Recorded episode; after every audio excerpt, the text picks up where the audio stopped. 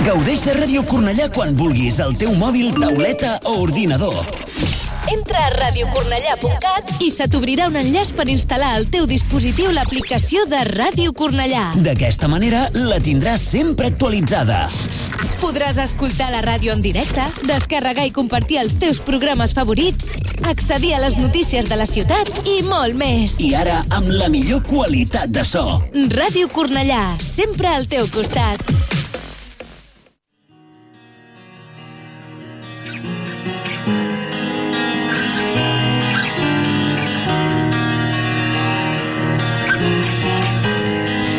Radio Cornellá comienza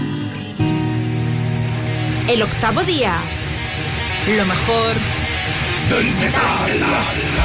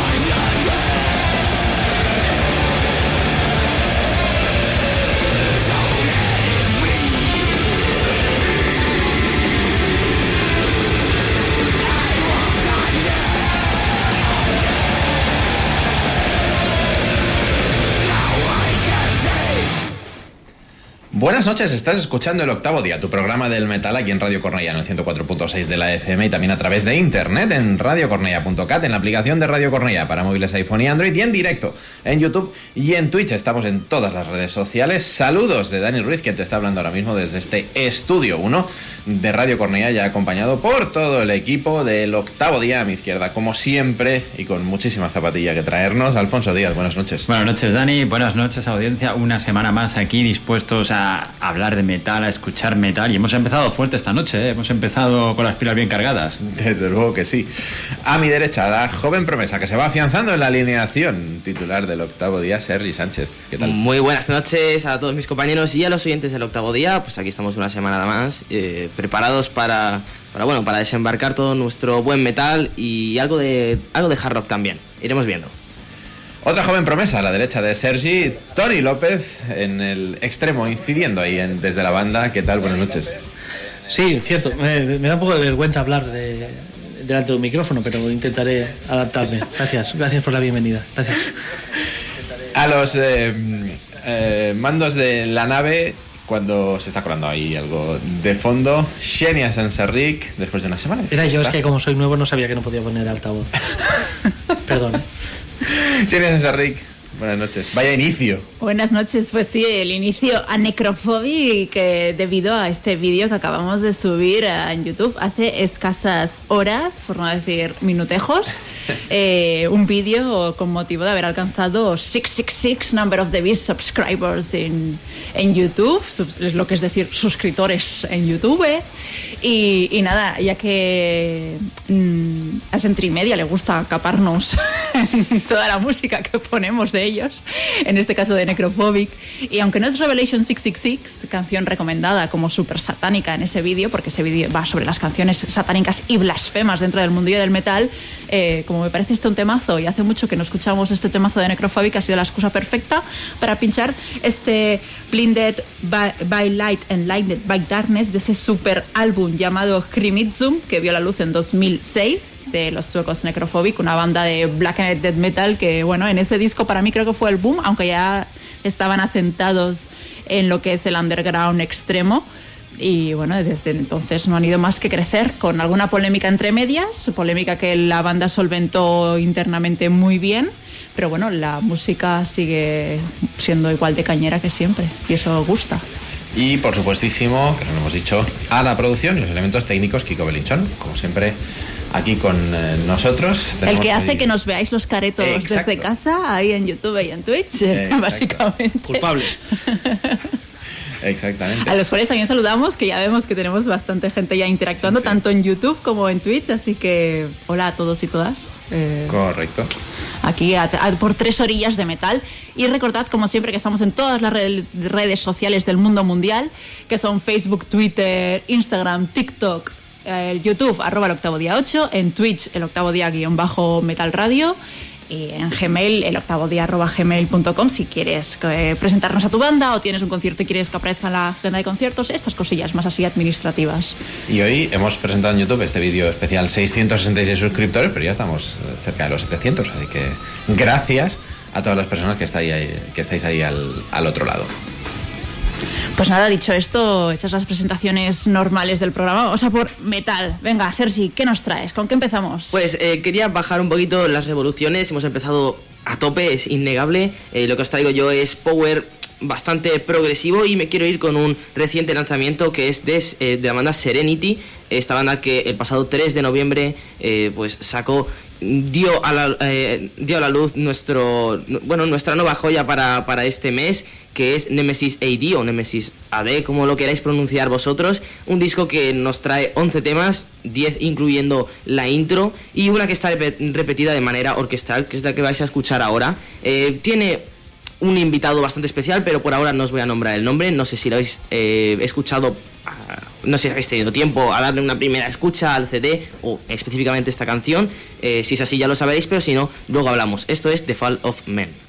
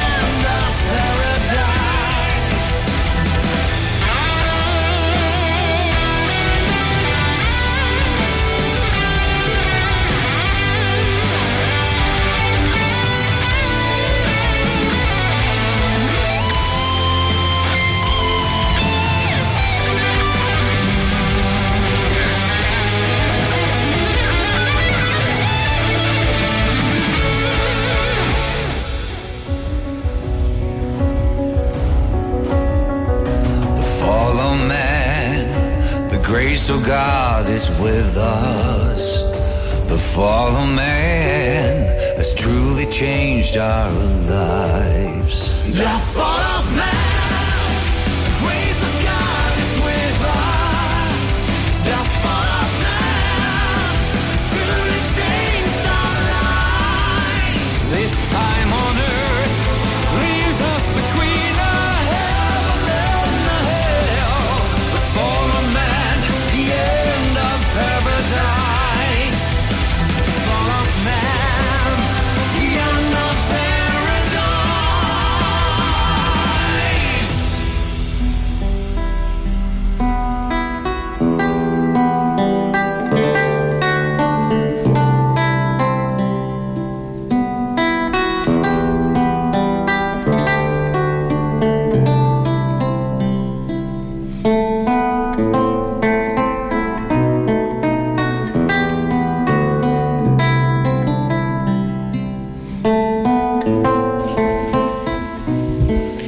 Fall of Man, esta canción con la que os introduzco el, nuevo disco Nemesis AD de Serenity. Si no lo habíais notado o si no habéis escuchado la canción antes, ya os lo digo yo. Eh, cuentan con un invitado muy especial que es Roy Khan, un magnífico cantante. Eh, así que la he decidido como, como tema para, para traeros aquí eh, a la radio. Me parecía bastante especial. eh, un cantante que, bueno, mm, así me daba de qué hablar, ya que fue el cantante con el que impulsaron a Camelot casi a la gloria, podríamos decir. Su época más gloriosa fue con él, posiblemente. Eh, y que ahora ha vuelto a, a- Conception, su banda con la que empezó, si no me equivoco, y, con la que estamos volviendo a ver muy buenos conciertos. De todas formas, eh, esto no es Conception, no es Roy Khan, es Serenity, así que espero que os haya gustado esta primera muestra y que, y que, bueno, le deis una escucha a Nemesis AD. Quería aprovechar también para comentar, ya que... eh, hay un miembro de la banda que se comparte, Chris, el guitarrista de Serenity, que también es miembro en Beyond the Black. Y eh, banda que han anunciado para el Leyendas del Rock 2024. Quería lanzarlo así como a modo de informativo. Una banda que, que me gustó muchísimo cuando los vi aquí en Salamandra y que estoy deseando poder volver a ver en el Leyendas del Rock. Estamos en semana de anuncios de festivales, han anunciado leyendas, han anunciado Rock Imperium, buenos carteles, eh, sobre todo el de Rock Imperium, a mí el de leyendas, y creo que no solo a mí, no, no nos ha acabado de, de llenar del todo. Rock Bueno, Imperium, yo cuento 13 bandas por las que pagaría en sala, por lo tanto me renta muchísimo. Evidentemente, así a grandes rasgos, ¿no? El, el- el cartel del Imperium puede ser más resultón, pero todos sabemos que, que Leyendas tiene ese intangible, ¿no? Del ambiente, de, que es un festival que casi por su nombre se vende solo, independientemente del cartel. Evidentemente, siempre hay, siempre hay perlas y, y el público de Leyendas yo creo que es fiel. Y Marcus Rubio, que es el organizador, sabe también la clase de bandas que, que mueven a su público. Sí que es verdad que los, Sí, pero últimos, los años ha habido ¿eh? un poquito ha, habi- ha habido un poquito de bajón en cuanto a Y no hay a nivel de los grupos. No hay bajón, ya meter bandas que igual no, no acepta tanto el público. Sí, bueno, también supongo que está mirando también a, a las nuevas corrientes, ¿no? Ese power metal super happy que está tan en boga últimamente. Y al fin y al cabo hay que, hay que intentar de conectar con las nuevas generaciones y, y pudimos ver este año, por ejemplo, como había bandas de tipo Glory Hammer y, o Angus Max, Max Angus Max Six, sí. que, que, bueno, que se llevaban al público de calle y convertían sus descargas en una auténtica fiesta. Bueno, hicieron un pack que tocaron en Zamora también esta gente. A ver si hacen el pack también con Twilight Force, que a mí me gustan bastante sí. más, y tocan en Zamora a ver si hacen también doblete. Nos preguntan con maldad, supongo por aquí en las redes, si Rockfest también ha anunciado algo esta semana. Gente con muy mala leche. Y, y he no visto un apaño de tachar el Rock Imperium y ponerle el logo de Rockfest utilizando el mismo cartel. Sí, sí, está, sí. está la idea, Bueno, es estaría, que- estaría bien. Salvo porque Rockfest no debe tener idea de quién son Cadáver, ni llevaría nunca a Einar Solberg, ni No, Riverside. no. Riverside no lo veo en ningún Ni a caso las Rockfest. Love Bites tampoco. Bueno, los Bites pueden ¿Crees? pintar. Lo- lo- en la carpa Rockfest las veo a los Bites. Ojalá. Sí, sí que es verdad que esto pare- parecía que era problema de promotora y parece que es problema del público, que es lo que demandamos todos. Al fin y al cabo son las bandas que han pasado de una promotora a otra. O sea, que eso es un negocio y me parece correcto, Exacto. pero siempre se le achacaba a la anterior promotora que siempre a los mismos grupos y ahora parece que los grupos han cambiado de bando y siguen siendo los mismos Sí, porque- y la gente sigue, como Sí. Tony y como yo, seguimos, seguimos viendo bandas que te resultan atractivos para gastarte ahí tus cuartos. Sí, que por pero- cierto, habrá que empezar a comprar el cerdito ya, ¿no? Habrá que empezar a comprarlo, pero es verdad que también nos fijamos más en la parte media y baja del Sí. cartel. Pero lo de arriba El año pasado fue Scorpions, este año Judas Priest. Al final, eh, el grupo que encabeza un cartel de ese, de ese volumen son cuatro grupos, es ABC, Sí, y sí. son los que son. Eh, sí, creo que sería bastante mal recibido poner a otras bandas que yo creo que por volumen podrían encabezar perfectamente, como Volbeat, por ejemplo. Es lo que te iba a decir, me acuerdo en Leyendas uno- una edición, Sí. no sé, fue de 2014, 2015, era Sí, Volbeat uno de los cabezas de cartel y la gente no quedó muy contenta. Hicieron Claro. una muy buena descarga, pero Y la gente sí, no, no es, el una- público, digamos. Es que- una banda que podría estar a, a ese nivel, pero que no se va a aceptar en. Pero a lo mejor unos este Ghost sí que podrían estar ahí. y- Pero Ghost igual se escapan ya de- del nivel. Igual Ghost ya se queda pequeño, un festival de esas dimensiones. Hombre, yo creo que están picando, Imperium está picando, está picando ando con nombres muy consagrados, ¿eh? y podría Sí. ser un caramelito. Pero estamos Entendemos hablando. que ya está cerrado, ¿no? Pero que hubiera Sí, sí. casado bastante bien. Piensa que si un grupo mete 20.000 personas en un pabellón, como puede hacer Ghost ahora, no te los van a llevar a un festi de 20.000 personas. El festi tiene que ser más grande. Si no, no te renta. Te renta más llevarlos a pabellón, que solamente ese grupo, y vas a cobrar por ese grupo. Pero tampoco es lo mismo traer una gran ciudad que a una ciudad de- Evidentemente. de- sí, sí, pero bueno, ya hemos visto que. Maiden se los ha llevado Madness a Murcia este, este verano, por ejemplo.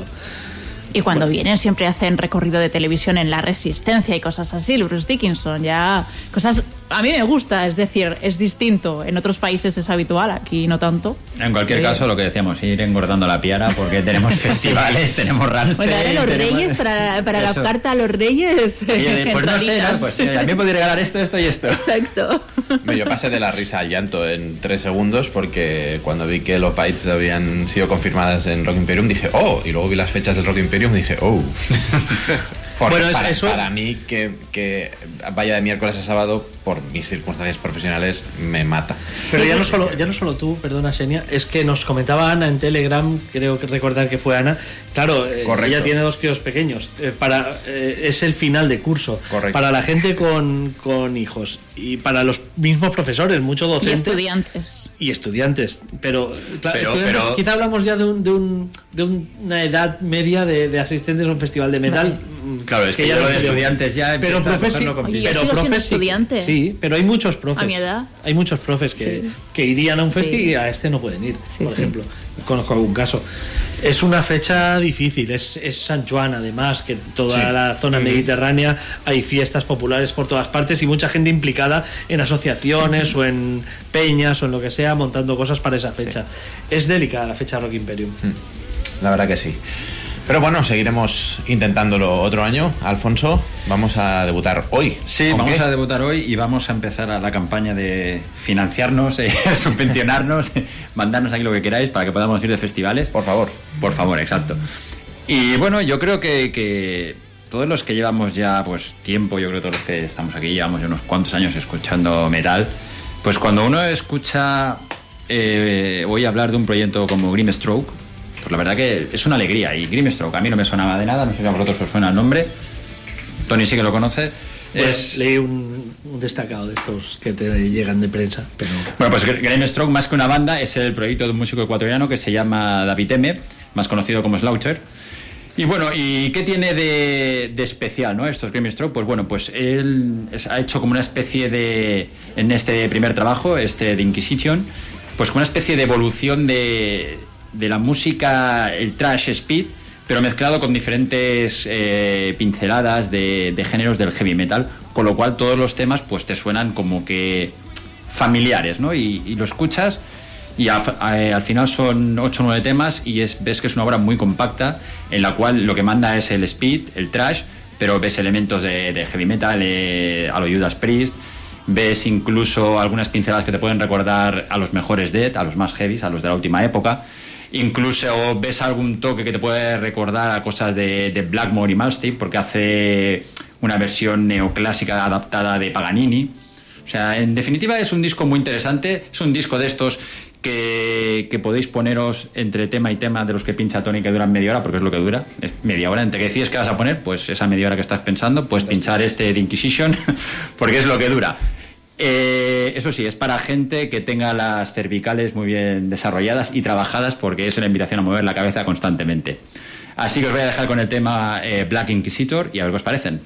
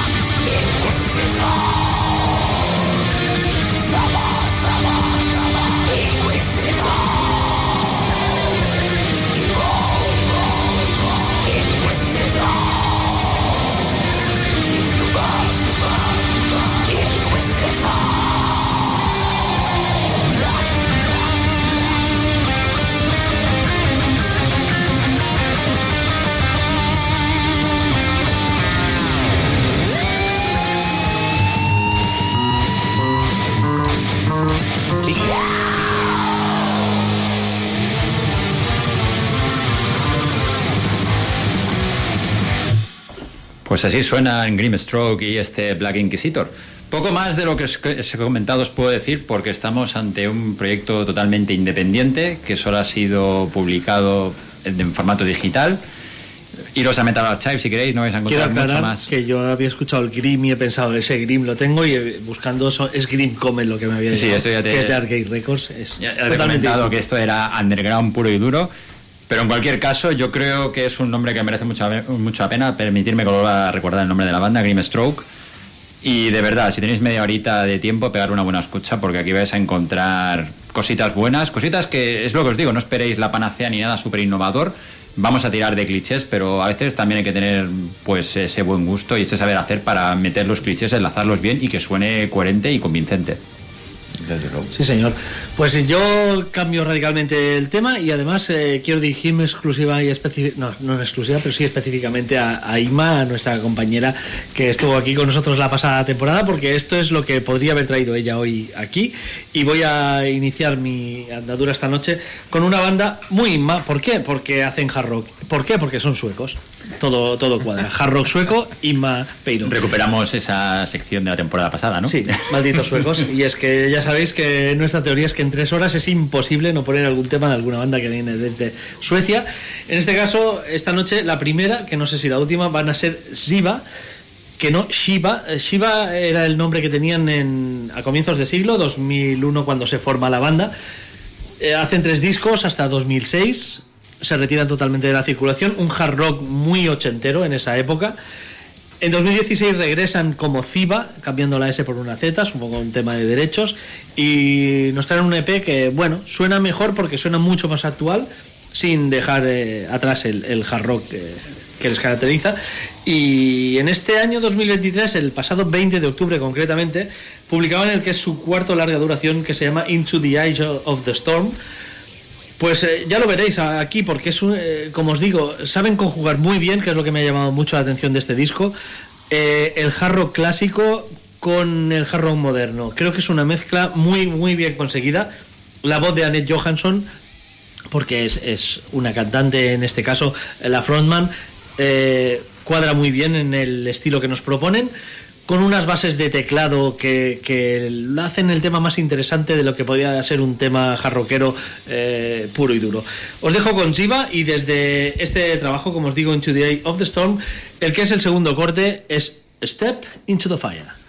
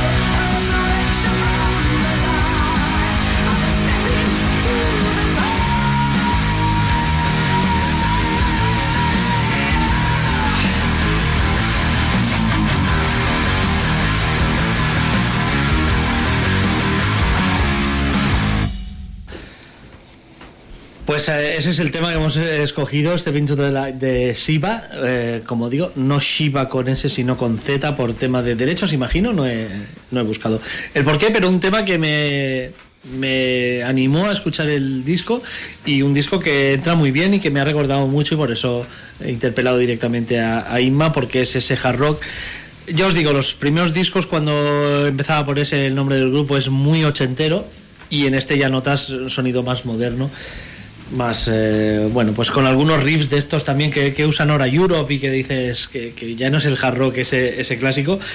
Y me ha gustado mucho la verdad. La verdad me gustan mucho en su primera época eh, hard rockera y me gustan más diría ahora con este nuevo trabajo. Un gran regreso el de Shiva. Pues como aquí somos mucho de dar volantazos, otro, otros del programa de este 5 de noviembre lo doy yo. Y es que me voy a ir hasta, en este caso hasta Berlín, aunque hablamos de una banda iniciada en, Minsk, en Bielorrusia, que editó tres discos de pagan black metal bajo otro nombre, que actualmente, después de firmar por Apostasy Records, se conformó como Massen, banda que en agosto, a finales de agosto, editó Gentle Brutality, uno de los discos que formó parte de mis favoritos del, del mes central del, del verano, porque ahora han eh, virado hacia lo que ellos mismos llaman un black metal melódico sinfónico. Ya sabéis que a mí estas cosas me gustan. Han incorporado mucha más presencia de teclados, han incorporado un violín de forma permanente en la formación y creo que conjugan a la perfección todo lo que es la velocidad, la potencia, la rabia o la ira del black metal con ese elemento melódico al que a mí me cuesta muchísimo resistirme. Lo hacen genial y lo hacen genial además, eh, un poquito recogiendo lo que decía Alfonso antes con Grimstroke, lo hacen genial de una forma bastante sucinta porque aunque los temas son largos están muy contenidos, hablamos de un disco de cuarenta y pocos minutos y que es una auténtica delicia que te va atrapando un, un tema tras otro, un sonido limpio, cristalino y unas composiciones, como decía, exquisitas.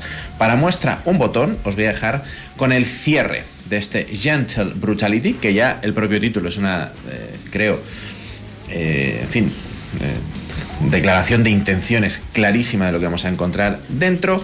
Massen, su nueva propuesta, esto es Our Melody is Not Dead. In our song of life, melody is not dead.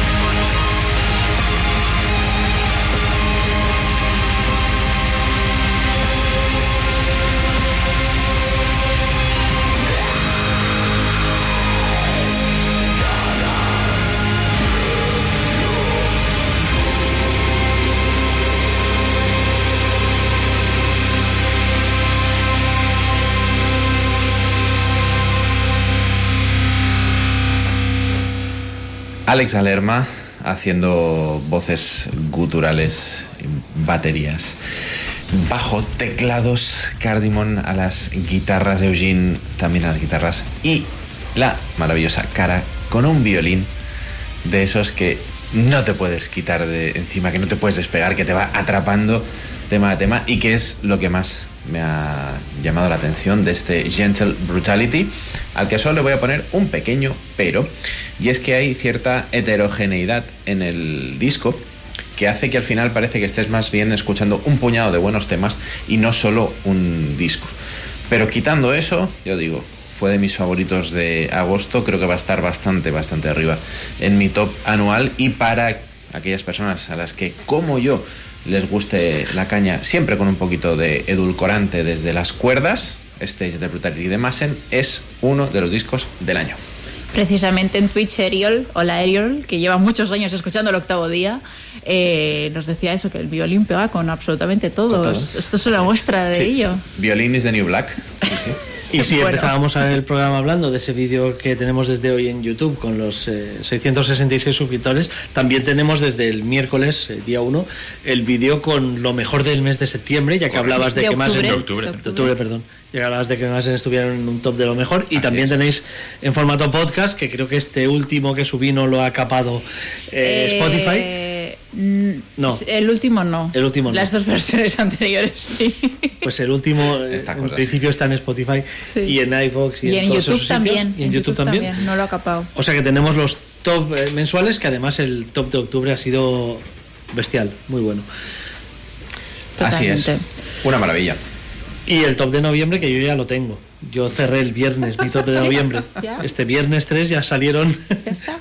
De hecho, podía poner 10 temas de. No, Toma, la audiencia que esté tranquila porque hasta final de mes, principio de diciembre, no se va a subir. no se va a subir porque vosotros no. Pero yo ya. Mi Porque vídeo somos ya. unos perezosos, No, no, yo ya te- mi vídeo ya está camino de Xenia para que lo tenga ahí guardado. Tony ha no, hecho- no. Yo, yo ya. Me voy a Ha hecho los deberes, ya se despreocupa. Ya dije la semana pasada, me voy a esperar al 17 porque lo de DGM y Eldritch pinta muy serio. Al 17, no al 30, al No, no, 17. el 17 que es cuando salen dos discos que me pueden... Y, y amenazaba ya en octubre y ya tener el vídeo hecho, ya Es lo dijo. el día 3 ya lo tenía hecho. pero- en octubre, el 15 ya lo tenía, ya me sí, lo enviaste. sí, sí, o sea, claro, que porque es que- o sea, tenía clarísimo que iba a Sorcerer y en cuanto escuché eh, el, El el Stregno. disco de Stortgren, eh, ya, es que no había eh, opción a más. Lo que pasa que escuché que lo puse la semana pasada, el The Core de DGM. Y esa canción no puedo no puedo hacer un vídeo antes de escuchar ese disco entero, porque esa canción sola vale más que discografías enteras. Y, y hay un, un tema de una banda que vamos a poner hoy, que ya puso Tony el, el otro adelanto, que sale el 8 de diciembre. A lo, Eso mejor, es el- diciembre. a lo mejor el 8 de diciembre ya hemos cerrado el top de diciembre también. ¿eh? Igual y el, y Cuidado. el anual. Pues ahí te lo voy a agradecer porque sabéis que diciembre con el top anual Sí, lleva muchísimo siempre. Sí. trabajo y muchas horas de edición. Entonces, eh, ahí voy a agradecer que en diciembre tener los top De hecho, el, 10. Planteándome el podcast del top 10 de diciembre, que sea el- los 10 temas de, de- de esa banda, ordenándolos Yo de creo, yo creo que sí. Podría ser. Vamos a ser así. Bueno, top Pero eso será después. Eh, Sí, queda poquito para el top anual. Ya empezamos aquí con los nervios de ir preparando y seleccionando. Pero ahora vamos a hablar de un DVD que verá la luz el próximo 1 de diciembre llamado A Heaven May- eh, You May Create. DVD de Orphan Land que se registró el pasado 2021 en Tel Aviv. Y lo que son los timings, ¿no? Porque, bueno, pues sale en unas pocas semanas con el gran conflicto que ahora mismo tienen en, en Israel y que incluso las grandes potencias mundiales pues están permitiendo este genocidio por ambos lados. Bueno, más que mundo- timings, hay algo buscado ahí. ¿eh? yo creo que eso ya estaba pactado desde hace tiempo a nivel discográfico. Porque si se grabó en el 21, me parece dos años como mucho. Viendo cómo funciona, o sea, recuerdo cuando en la pandemia que se crearon nuevos discos, las bandas decían ya, pero es que está todos los slots discográficos cogidos y me tengo que esperar año y pico para sacarlo. Yo quiero pensar así, no quiero pensar mal, la verdad. No, no es pensar mal, es aprovechar, es... Están recibiendo mucho hate Orphanetland en redes. Sí. Bueno, y están repartiendo también, porque Uri Cela, el bajista... Yo solamente he leído la estado- versión oficial. No, no, yo, yo le sigo a él personalmente y, y ha estado repartiendo a mano abierta. Y claro, cuanto él más reparte, más se le tiraban encima. Porque él preguntaba, por ejemplo, por qué cuando hago una publicación sobre la guerra tengo unas 100 interacciones solamente de gente israelí y cuando hago una de música tengo 500. Ya, Pues porque igual te seguimos por la música y no porque seas israelí. exacto. Sí, sí. Pero mm, es un tema está la piel muy fina ahora mismo y no le puedes decir a una persona que está viviéndolo y lo está viviendo de una manera concreta no le puedes razonar porque sus razones que mm, es que aparte tú lo has dicho, está viviendo una situación que es muy eh, eh, traumática y entonces, quieras o no, también las reacciones... eh, Bueno, yo creo que por ambos Bueno, lados eh, está mal yo- y el genocidio que está habiendo y se está permitiendo está pero yo fatal. pero yo creo que eh, por muy cuñado español que pueda llegar a ser no voy a ir a explicarle a un señor que vive en Israel No, no, lo que está pasando en Israel No, no, no. A mí me han explicado gente que vive en, en otras partes de España lo que pasa en Cataluña. Ah, ya, bueno, pero es yo no voy a hacer lo mismo, no voy a replicar lo mismo explicándole no. a un Israel, a un israelí lo que pasa en Israel. Entonces, bueno, yo creo que por ese por ese bando se les puede llegar a perdonar porque no quisiéramos vernos en esa situación y no quisiéramos ver cómo reaccionaríamos o qué estaríamos haciendo en ese caso. Entonces, eh, yo opto por echarme a un lado, callar, pero claro, a él ese silencio de, Ah, de sus amigos internacionales, pues le, le duele. Y yo entiendo perfectamente que le duela. Ah, Pero bueno, De todas eh, formas, hablábamos antes a micro cerrado, Genia, que Orphanland es una banda que no se ha escondido nunca, se ha posicionado muy claramente en torno a ciertas cuestiones que son habituales en el eh, área de Israel y también me extraña mucho los comentarios que están recibiendo ahora por parte de muchas personas en redes sociales cuando no están diciendo nada que no hubieran dicho hace 15 o 20 años. Bueno, eh, es como todo. Claro, que dice- Hoy en día vivimos en una sociedad donde rápido nos posicionamos y comentamos sin tener ni idea de las cosas. Hay que polarizar. Está- Eh, Entonces. Bueno, y eh, que si está, es muy fácil detrás de un ordenador ponerte a dar opiniones gratuitas y sin fundamento en muchas ocasiones. Yo simplemente me gustaría apuntar lo que hablabais antes de quizás oportunismo. Yo no creo que una banda del calibre de Orphanland y con un sello como Century Media eh, haya esperado al, oportun- al oportunismo porque hoy en día no se puede No, no, no. de un día no para esperado. otro. No, no esperado, sino haber adelantado fechas. Yo creo que esto es un plan de, pues, no como trabaja Century, yo creo Yo que esto que- está más que planificado y ha sido casualidad. Pero bueno, es una opinión personal mía, ¿eh? todo Mira, ser. ya estamos hablando de estas cosas y nos peta Twitch. O sea, em, Es que los el Mossad, el Mossad tiene, los tiene espías nos tentáculos. están aquí escuchando, escuchando metal y Orphanet Land ahora mismo son gente de riesgo. En fin, vamos a hablar de la música de Orphanet Land, que es una banda que adoramos aquí en el octavo día. De hecho, de momento la gira sigue intacta. En, en enero, en teoría, empiezan un una gira europea por, en Tel Aviv, que dudo que se haga el concierto de Tel Aviv, pero de las fechas eh, de momento del resto de Europa siguen vigentes. De hecho, van a actuar el próximo 21 de enero en Razmataz y el 25 en Vitoria-Gasteiz. Eh, A Razmataz van. a Razmataz a mí me parece exagerada la sala porque Orphanet Land no, no tiene tanto tirón dos, aquí. ¿no? Mm, Solo me pone Razmataz. No, es que, es que creo que es la 2. Y aún así me parece No, es- la- es cerradita. Para la última gira, de hecho los vimos, ¿te acuerdas, Xenia? En Bóveda. Y es que la última, es que la última vez que les vi, creo yo, fue En en. Euskadi, cuando yo vivía en. Euskadi. Yo los vi en el Dama- en el 15 Damask. personas. En ah, el, en el Dama. En el Damask, pero de, eh, en gira, que habían venido un mes antes, o un mes y medio antes, los vimos en Bóveda. Y Bóveda tenía un buen aspecto interesante, pero tampoco Pero- estaba a reventar. Bueno, eh, 21 ¿o no? de, de enero, sala 2. El Sala 2. Ah, sí, sí. Razmataz 2. Sala- Sala 2, que es más o menos Salamandra. Eh, yo creo que, que es, la, es la sala Es que un toca. poco más acorde ¿Es Salamandra o Rat 2, creo, Orphanland ahora mismo? Y es que, claro, te- ya te digo, eh, me sorprende también lo de Vitoria, que entiendo que es fecha para seguir para Francia el tour, porque en Bilbao fuimos 15 personas, contadas Wow. una a una. Entonces, Qué heavy, ¿eh? mm, ¿sabes? No sé, el, el promotor va a perder mucho Pues dinero. explicado, Ojalá no. os he explicado alguna vez cuando vi a Orphanland con Mirraz en Salamandra 2. En Salamandra 2, cuando existía. Salamandra 2. Orphanland con Mirraz éramos 40 personas, 17 de- con entrada, 23 acreditados. ¡Wow! Y eh, en, en Salamandra 1 ese mismo día, Reno Renardo sold out desde hacía semanas. Bueno, Mirraz no los conocía nadie, era la primera vez que venían, creo que tenían el primer disco, no estaba ni Zaire cantando, creo que era el, el cantante anterior. Y Orphanland, pues eso, es una banda que aquí no ha tenido una convocatoria tampoco muy, muy especial nunca. Pero creo que últimamente con los años ha ido creciendo. Abrieron un Rockfest, ¿eh? es que abrieron un Rockfest a las 3 de la tarde un jueves, que lo estuvimos viendo allí. Y la verdad es que éramos poca gente, pero había gente que, que entró después que, hostia, desde fuera lo he escuchado, esto es una pasada. O sea, creo que se ha ido sumando gente a Orphanland. Yo creo que es una, una sala correcta, RAD 2, y espero no estar tan apretado como con Riverside. Y que va consolidando la trayectoria ascendente de la banda, que va poco a poco subiendo peldaños en cuanto a sala se refiere, ¿no? De que un poquito más de caché siempre. Sobre todo aquí, porque en otras zonas sí que tiene más caché. No, no, hablo de aquí, hablo de aquí. claro. Que aquí se lo han Claro. trabajado, que dices tú, han pisado festivales, han tocado para cuatro gatos. O sea que se nota el trabajo acumulado de tantos años de estar picando piedra. Bueno, pues van a sacar un DVD el próximo 1 de diciembre en este directo que como digo fue muy especial porque también participa- participó la Chamber Opera Orchestra dirigida por Alan Stern, el Hell's Choir y la cantante Noah Krumman que precisamente participa en la canción que vamos a escuchar, este The Cave, que es una de las ¿Y no vendrá, no, en la gira? No vendrá, ¿no, a la que de momento no vendrá. Oye, quién sabe. Quizá hay una sorpresa. No lo sabemos. Mm, tocará esperar un poquito. Pero bueno, eh, como decía, The Cave es canción que forma parte de ese discazo de 2018 llamado Unsung, Prophets and Dead Messiahs y, bueno, que es una de las escogidas por la banda en este doble DVD que repasa los más de 30 años de la trayectoria musical de la banda. Así que vamos con Orphanet Land, con The Cave.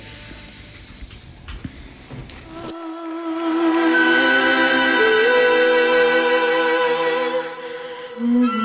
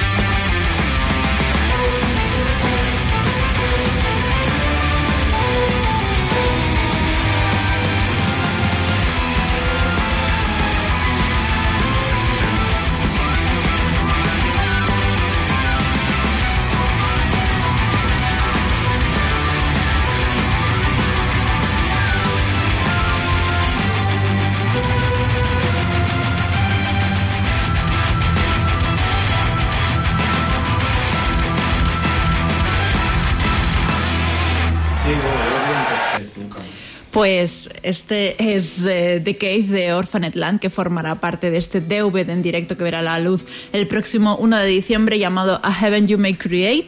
Y bueno, hemos escuchado The Cave junto a la grandísima Noah Grumman a las voces.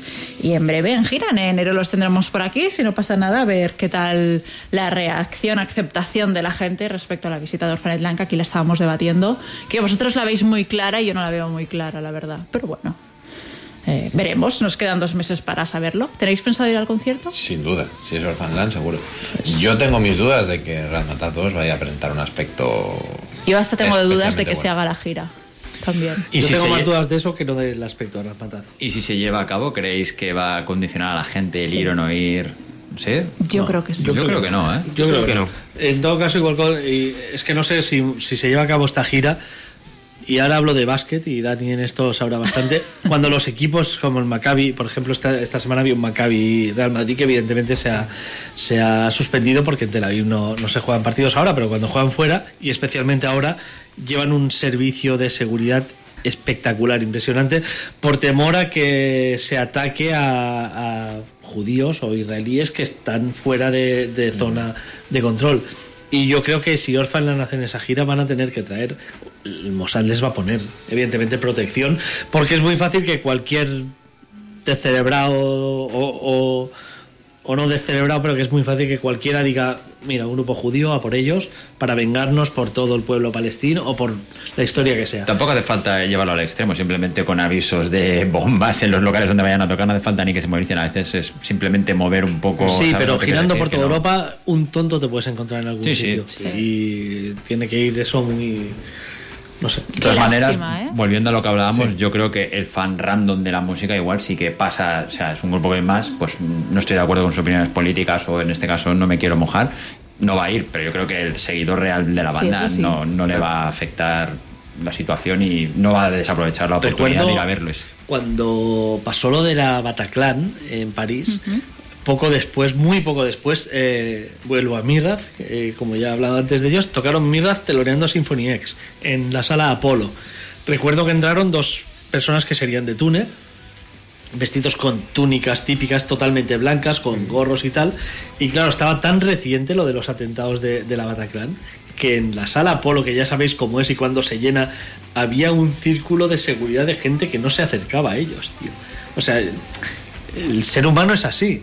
Y cualquier miedo, cualquier cosa desconocida, cualquier cosa que te pueda generar un poco de duda, eh, es verdad que quizá pueda, pueda restar público la situación, pero ya digo que si alguien tiene que temer por algo sería más bien la banda que no el que vaya a ver la banda. Sí, sí. No, o sea, vamos. Claro, yo, yo creo que si hay un condicionante es sería de cara a la gira o a la banda, como dices tú, en que se pueda hacer la gira o no, que bueno que haya ciertas medidas de seguridad, pero que condicione a la gente creo que ya es otro tema que no sé, no, no creo que llegue a ese extremo. Hay una cuestión transversal al arte, de todas formas, que es separar artista y obra, que esto a veces cuesta mucho. De todas maneras, en cualquier expresión artística, pintura, cine o... o Pues. A, a Ahí veces también los un artistas tampoco muy están muy de Claro, acuerdo. claro, eh, eso. no, no, no vamos a traer porque... es- Porque yo no lo mucho. separo.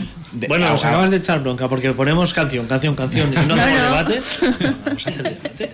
De todas formas, yo eh, la sensación respecto a Razmataz 2 eh, es que no veo yo que Orphanland, en, incluso en condiciones ideales, pudieran llenar Es que Razmataz 2 es, eh, puede estar entera abierta o Bueno, puede tener el vale, telón. vale, me refiero, a la- me refiero a Razmataz 2 con aforo completo. No, no, tapadita, que Bueno, yo la veo con las Lo cortinas. hemos visto tapado, hemos visto Septiflex en Razmataz 2 Sí. tapada, Sí, sí, sí, Ulver. bueno, en esas condiciones sí, pero bueno. A Ulver también lo hemos visto en Razmataz 2 abierta, pero por telón. Tapados, tapados. Y abierta con Cradle of.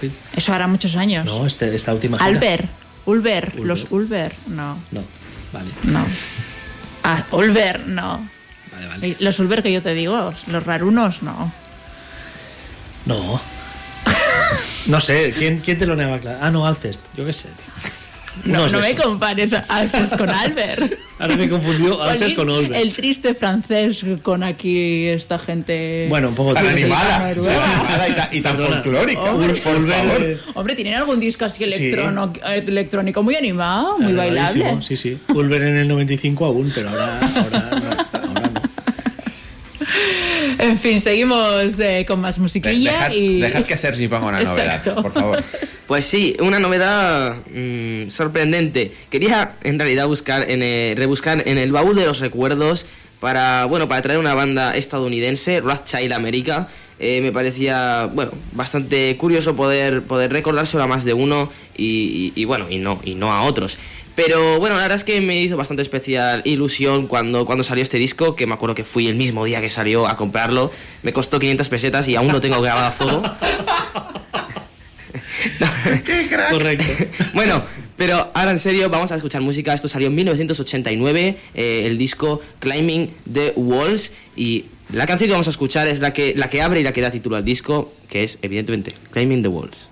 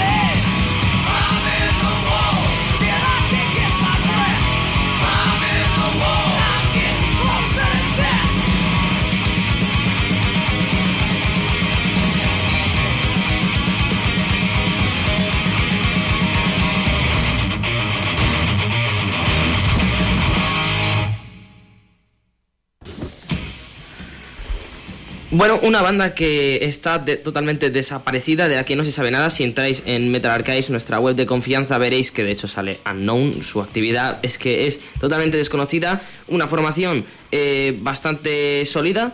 Que, bueno, eh, teóricamente se, se dice que se juntaron en 2017. Yo no me enteré, aquí al menos no llegaron. Eh, la misma formación, la última que se conocía.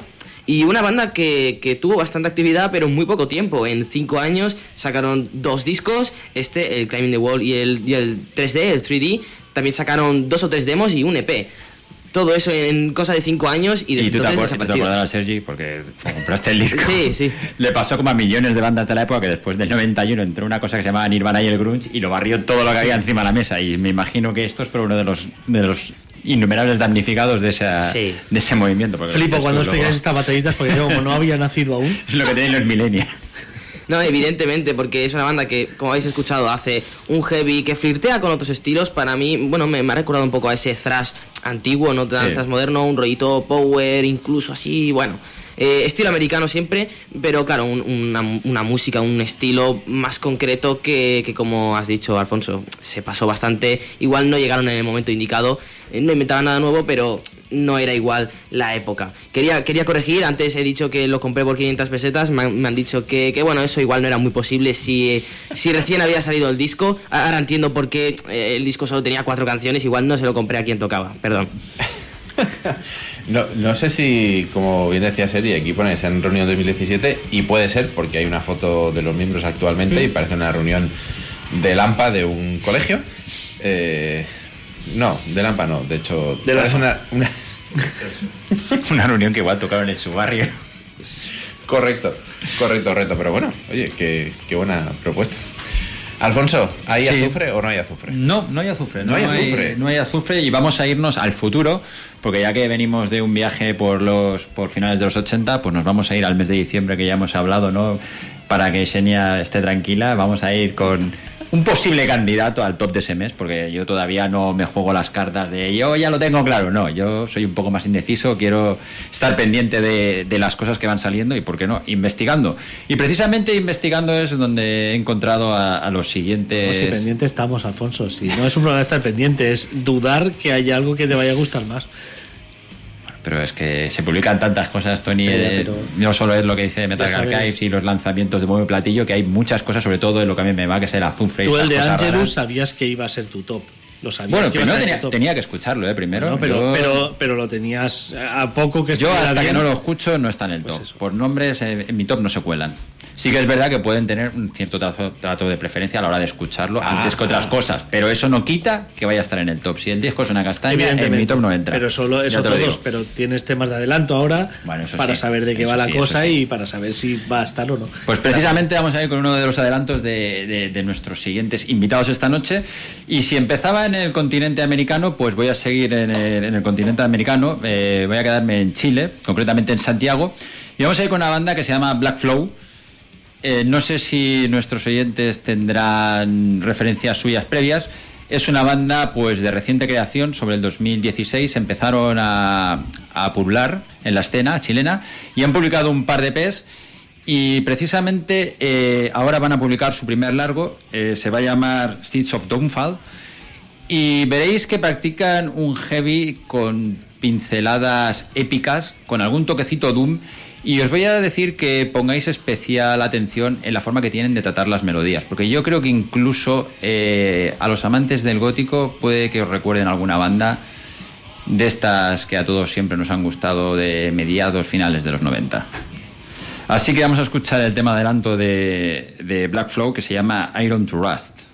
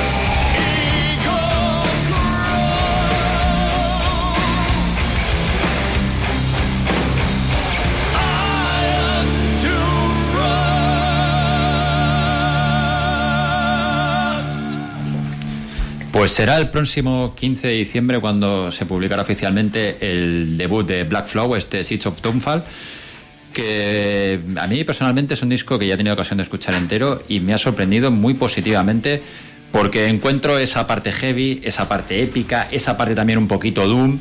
eh, tiene unos cambios de ritmo muy interesantes y como os decía, yo me ha llamado mucho, mucho la atención esa forma de, de tratar las melodías en segundo plano que a mí personalmente en algunos momentos me ha llegado a recordar a los Paradise Lost de la época del Icon. Del Icon. Curioso. ¿Del icon de ahora o del icon No, de no claro. Eso es otro, otro tema de debate, pero bueno, ya cuando salga el disco entero, a ver, lo que sí nos decía Lester en Twitch, que le ha parecido muy interesante porque que, y que en Chile hay unas cuantas bandas de excelente Epic Doom, por ejemplo, Procession. Ahí queda, por si alguien Anotamos, anotamos, género, anotamos y, también decimos que Lester y su hora oscura va a ver, que no se preocupe, eh, en el octavo día de hoy, que ha hecho llegar muchas recomendaciones muy interesantes. Así que ahí queda. Me ha gustado bastante. Lo que pasa que eh, con este tipo de pick doom, cuando no tienen los agudos tan, por ejemplo, Sorcerer o Sirit Ungol, tengo que estar en ese estado ese día que me apetezca. Es decir, con esta banda me gusta y sé que la voy a escuchar, pero no me entra tan rápido al oído o no me eh, hace viciarme tanto, repetir tanto la escucha como estas dos bandas, por ejemplo, que son como, aún la epicidad es como más grande, ¿sabes? Aquí es más el, el tema pesado, más el duro. Sí, aquí te va un que- poco transportando y lo otro ya te lo impone de, de exacto, entrada. Exacto, eso es. Ahí, bien, eso, Alfonso. Me has escrito perfectamente lo que no sabía expresar. Sí, sí, sí, pero anotaos quedan, les voy a. Yo me han sí, gustado. te recomiendo que les des una oportunidad porque te digo que el disco es bastante interesante. Evidentemente, temas de mínimo 5 minutos, ya sabemos cómo es el estilo. Pero a los que os gusten estas tesituras así más pesaditas, es un trabajo que esperar el 15 de diciembre, pegar una escucha y ya me diréis. Anotamos. Muy anotado y además que recuerda muchas cosas de esas que nos gustan, sí, tienes razón. Me vienen nombres a la cabeza ahora que, que profundizaremos sobre, sobre esto. Aprovechando que estábamos en Sudamérica, no me voy a mover de ahí eh, porque tenemos doble celebración. Por un lado, y hemos vuelto a hablar de este pasado 3 de noviembre, donde salieron algunos discos que para mí van a estar no ya en el top del mes, sino en el top del año. Y una de las bandas que sacaba nuevo trabajo es Angra. Eh, Salió el 3 de noviembre Cycles of Pain, su último trabajo, pero eh, no nos podemos olvidar que el 3 de noviembre, pero del 93, hace exactamente 30 años en la fecha de salida de este Cycles of Pain, Angra eh, se presentaban al mundo con una maravilla llamada Angels Cry que nos dejó a todos mm, con el culo torcido, se dice Dani. Así es. Así es, pues dale, dale al play que escuchamos un poquito de Evil Warning para, para ilustrar ese 30 aniversario de Angels Cry de Angra.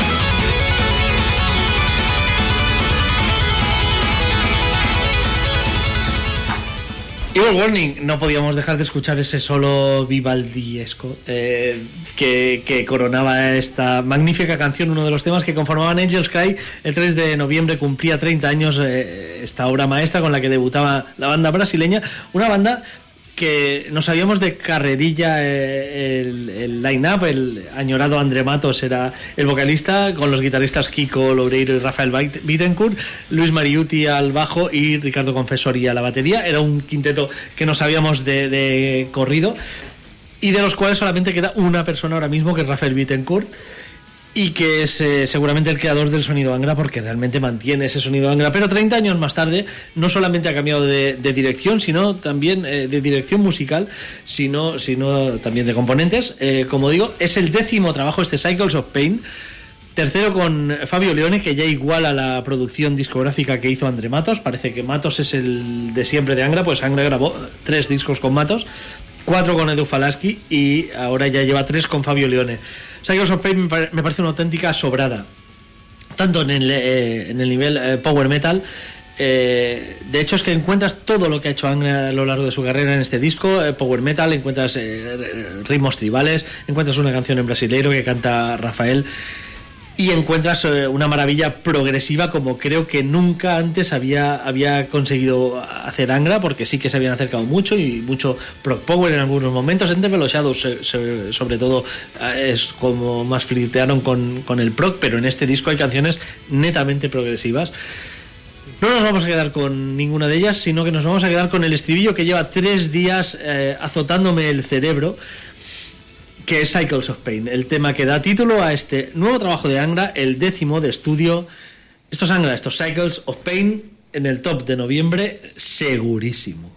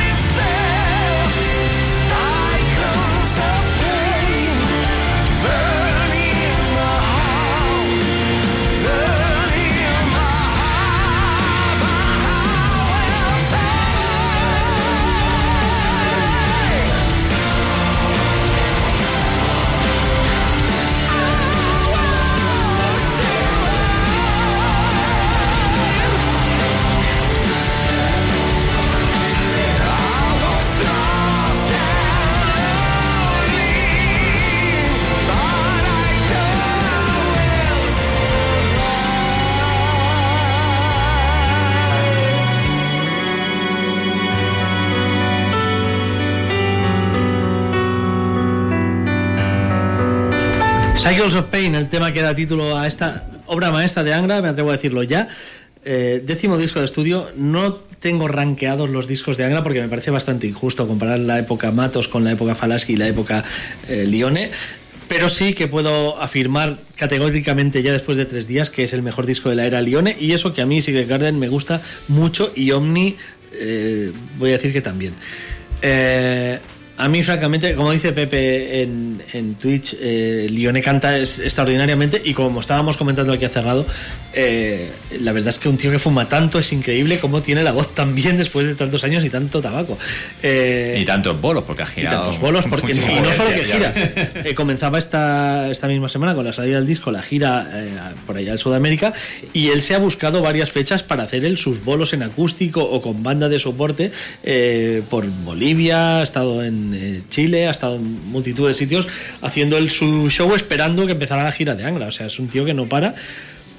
Es verdad que mucha gente eh, no les gustan los Angra de Lione porque se acuerdan de los Angra de, Matos o incluso de los Angra de Falaski, que realmente hizo dos discos increíbles y de lo mejor de Angra, como son Rebirth y Temple of Shadows. Pero a mí, francamente, me parece que con este disco Angra. Bueno, es, un puñetazo encima de la mesa y sobre todo por lo que digo.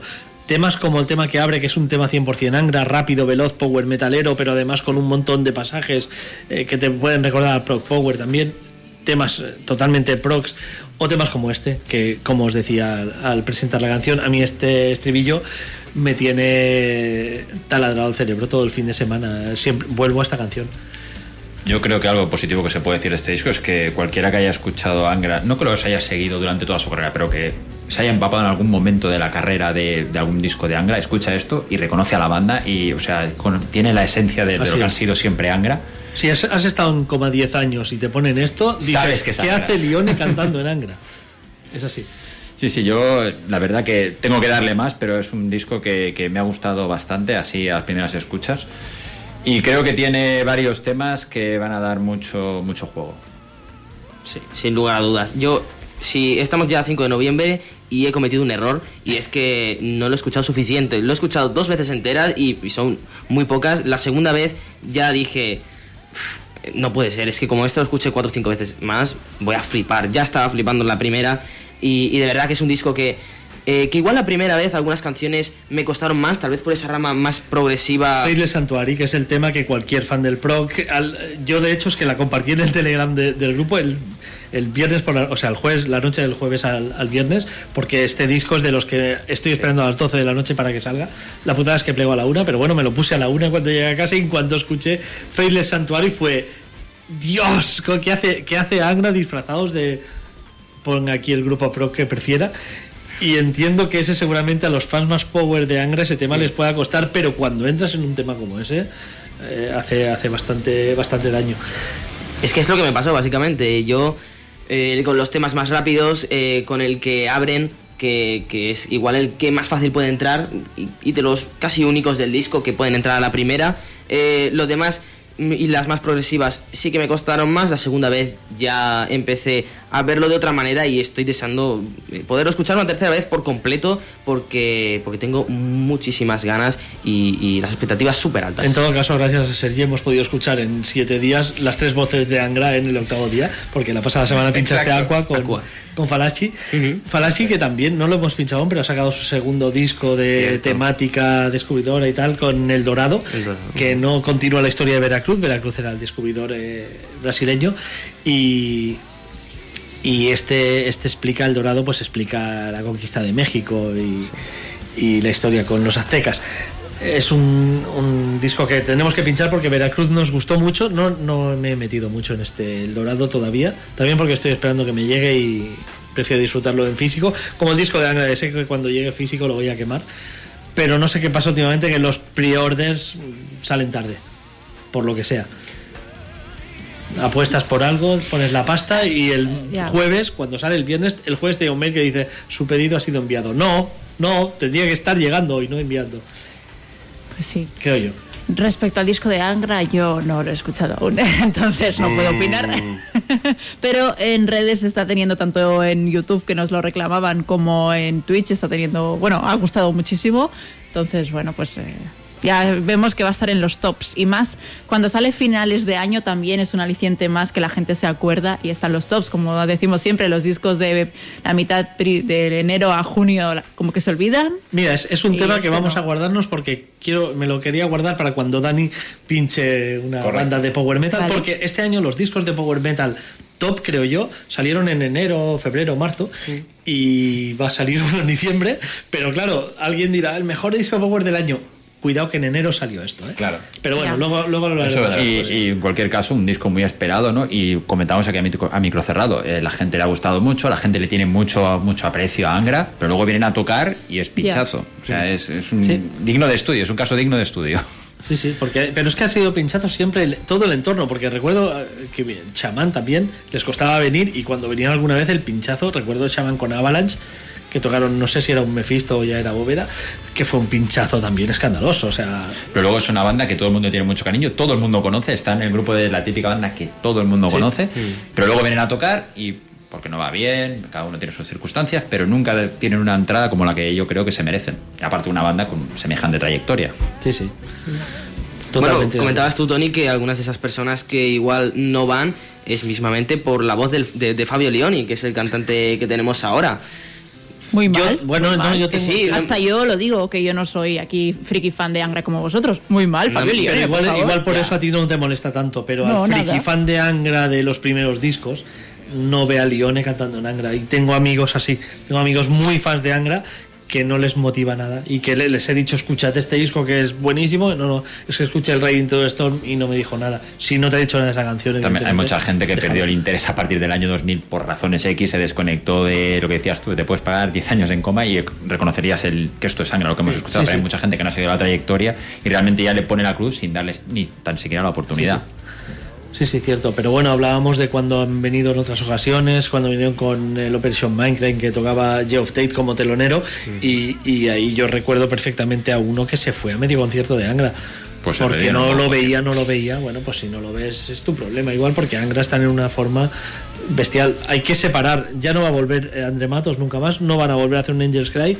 No va a volver Edu Falaski porque no puede. Porque además si veis algunos vídeos en directo de esta presentación del Dorado es que le cuesta mucho ya ese hombre. En disco aún, pero es que no puede eh, ese hombre girar. Tenemos a Lione. Mm, bueno, sí, puede haber cantantes que os cuadren más con el estilo, cantantes que menos pero es lo que hay y yo creo que objetivamente es un disco soberbio este, este Cycles of Pain. Sí, lo importante, eh, tal vez igual no, no te puede encajar mucho, no sé, para los que no les encaje la voz de Lione, pero lo, lo más importante y lo, y lo mejor es que estamos teniendo nuevo material ya con su voz, con la que te puedes ir adaptando, y buen material como es esta, Sí, como la prueba de ello. es eso, este eso lo hablábamos antes. Yo creo que un error de Angra eh, fue celebrar el 20 aniversario de Holy Land, De Holy Land. con Fabio Leone. Es la primera vez que veías a Fabio Leone eh, cantar con Angra esa gira y fue a cantar un disco tan mítico como Holy Land, tan personal, que hay canciones muy personales de André Matos como Deep Blue, eh, que, que realmente creo que fue un pinchazo porque mucha gente, fans de Holy Land, fueron ahí esperanzados y le pusieron la cruz ese día. Y, y aparte de todo esto, estamos centrando mucho en la figura del vocalista, pero tú mismo decías al principio que no sabíamos la alineación de memoria de los primeros Angra y hoy en Y día, ya. claro, está totalmente desnaturalizado en el sentido de que solo queda un miembro fundador y claro, uno dice, nos falta la voz, nos falta Kiko Loureiro que está en Mega. Entonces, Sí, claro, pero, entonces- pero por ejemplo, hablábamos también eh, que vuelva aquí Colobreiro, nos decían por, por el chat de Twitch. O no, Kiko es espectacular. De hecho, para tocar al lado de David Mustaine tienes que ser un guitarra increíble y en Angra ha hecho, ha hecho solos impresionantes. Pero Y que conste, perdona el apunte, que yo no lo veía cuando entró en Megadeth, ¿eh? pero al final era de reconocer que se ha Es ganado muy el puesto. bueno, sí, sí, pero no lo veía estilísticamente. Ya, ya, ya. Pero bueno, es un tío súper versátil y que se puede adaptar. El tema es que el guitarra que hay ahora, no digo que esté al nivel de Kiko, pero si escuchas este disco, yo creo que lo mejor, lo más destacado de este disco, más allá de Lione, que canta muy bien, es el trabajo del batería y del guitarra. Las guitarras son increíbles en este disco, pero increíbles. Y si sumamos además a Felipe Andreoli, que como bajista es un bajista que viene del pro, que si escucháis proyectos que ha hecho en Brasil con otros músicos, es un bajista que es, un, es un lujo también. Son musicazos. Ahora mismo son todos son musicazos. Ricardo Confesori era un tío que componía muy bien, era un tío que tenía un toque que, que te gustaba, tiene una pegada además muy buena, pero no es tan técnico como el batería que tenemos ahora. Luis Mariuti, sí, era un bajista muy cumplidor, te metió unas líneas muy chulas, pero, pero Andreoli creo que le da mil vueltas a nivel técnico. Entonces, con, con estos ingredientes y con buenas canciones, eh, yo creo que no, no vamos, ni un solo pero los actuales por mi parte. Aunque eh, reconozco que los hay porque ya es lo que decís vosotros, vemos salas medio vacías, cuando es una banda que debería estar llenando salas más grandes. De hecho lo hace donde, donde lo tienen que hacer, que es en los países del primer mundo, como son Brasil, su casa y, y los países. Y una banda históricamente cuando ha venido ha venido siempre o acompañando o muy bien acompañada a, a gente que en ese momento estaba pegando Sí. fuerte, no sé que han venido solos con un telonero desconocido, o eran ellos los teloneros, no, no, o sea, han venido siempre bien acompañados. Siempre. Pues yo voy a seguir en el Cono Sur y además voy a coger el rebufo de Alfonso y me quedo en Santiago de Chile. En esta ocasión, para presentar una novedad de hace apenas 48 horas, hablo de la banda Dolzal, del proyecto del batería Carlos Dolezal, que está haciendo algo muy interesante y algo que ya pudimos comentar Tony y yo cuando entrevistamos a Pablo Solano, el vocalista de Dragonfly, y algo que hemos podido ver aquí en, España, también en Valencia, con Ópera Magna, es que después de su primer trabajo, que fue el Look at the Distance de 2021, han decidido sacar el siguiente trabajo en cuatro partes, en cuatro EPs. Dark Tales from Medieval Times es una obra conceptual sobre la Edad Media que lleva dos EPs, uno en 2022, dos en 2023, la parte 1 a Dark Beginning, la parte 2 In the Name of God y ahora nos llega esta parte 3 de Presence of Evil. La banda ya ha confirmado que van a ser cuatro partes, cada parte tiene tres temas, por lo tanto van a ser 12 en eh, total y esto quizás responde a algo que hemos comentado algunas veces, es el cambio eh, del paradigma que está viviendo la industria, donde a lo mejor eh, puede resultar más interesante para las bandas dar una pequeña perla cada tanto. Como pequeña perla que te voy a dar yo ahora aquí, eh, Ópera Magna abandonó este formato porque José ya está grabando las voces del nuevo disco Correcto, Magna, correcto. Que está prácticamente terminado y es formato de toda Sí, la sí, vida. Ya formato de- de hemos abandonado los EPs.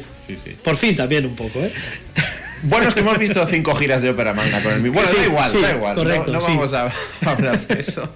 En este caso, Dolzal sí que están aportando por esto y además con un eh, Felipe del Valle a las voces al que Tony y yo conocemos de Delta. Claro. Y de hecho de Delta de, de uno de nuestros discos favoritos seguramente, ¿no? El The End of Philosophy. Y que lo tenemos aquí haciendo un trabajo fabuloso. Vámonos con un poquito de heavy metal, en este caso desde esa parte 3 del Dark Tales from Medieval Times, The Presence of Evil, The Black Plague.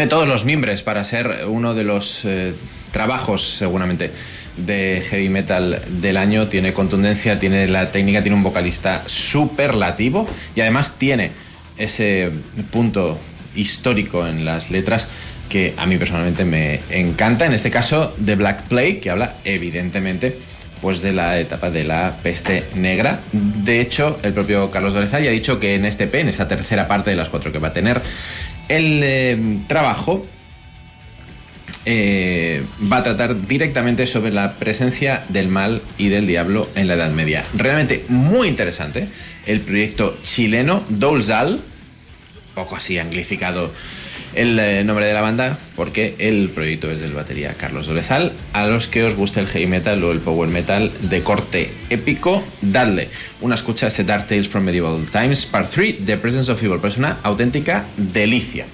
Y cuando estamos pisando las 11 de la noche, Sergi, despedida. Eh, sí, va siendo hora de despedirse, no sin antes eh, pinchar un último tema que me ha cedido Alfonso, muchísimas gracias. Y es que, bueno, hace 10 días salió un avance de un disco que saldrá el 23 de febrero, he querido mirar la fecha para no fallar, 23 de febrero de 2024 aún queda, pero han hecho ya un primer avance, estos son L'Época, eh, una banda de, de aquí de España que nació en 2010 y que yo vi en Leyendas como fueron, en Leyendas de Rock, digo como ejemplo porque es donde los he visto hasta ahora, cómo han ido creciendo hasta llegar a tocar ya en el escenario principal, cerrando el día, pero en el escenario principal. Así que es una banda que se está haciendo con un nombre. Si pensamos en cerveza y thrash metal nos viene a la mente Tankard. Si pensamos en cerveza y folk metal, al menos aquí en España, es muy posible que el nombre que os venga a la mente sea L'Época. Y es que el título del disco que saldrá en 2024 es Dios está borracho. De momento el avance que vais a escuchar ahora es eh, Brindo por verte.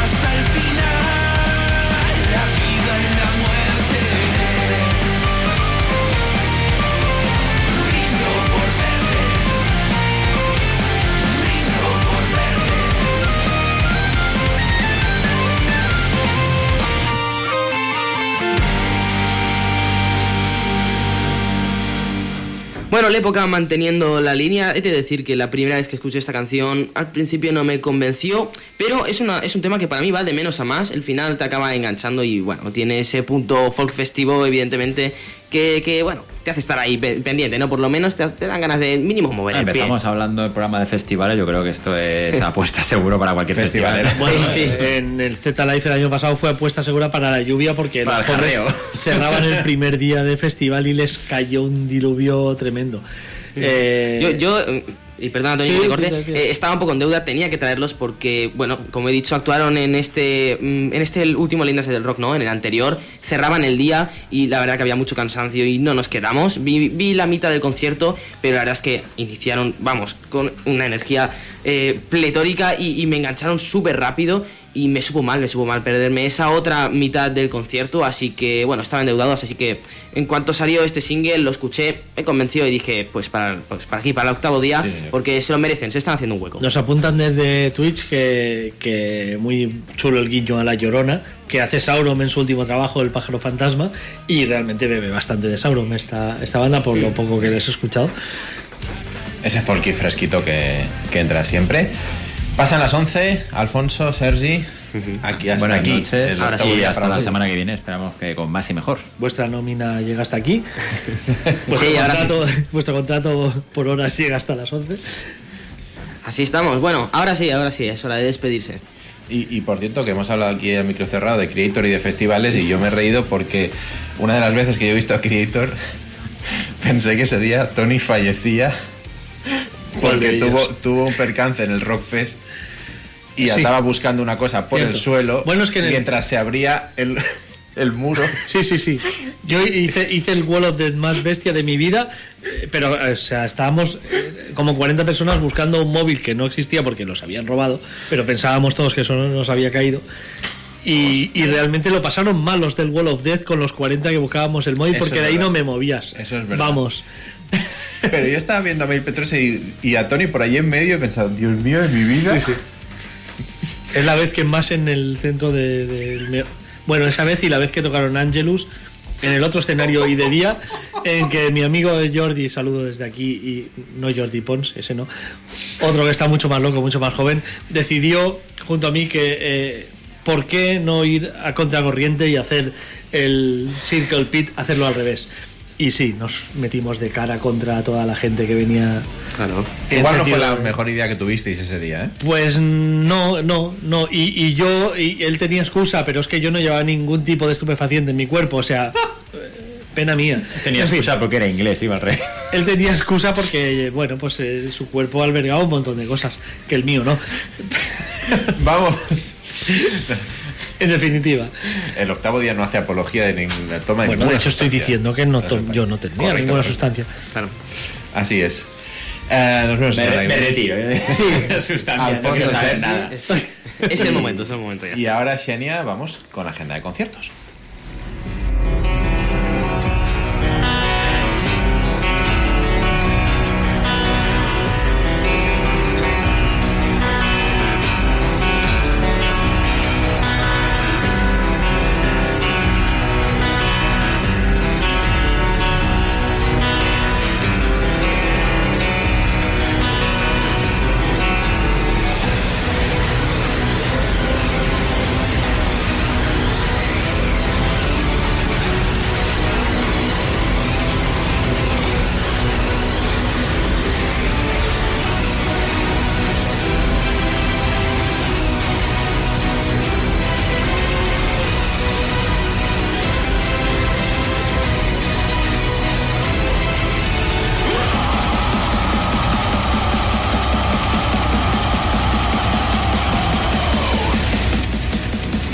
Pues empezamos el próximo jueves, día 9 de noviembre, con Hit y Crazy Leaks en la Sala Salamandra.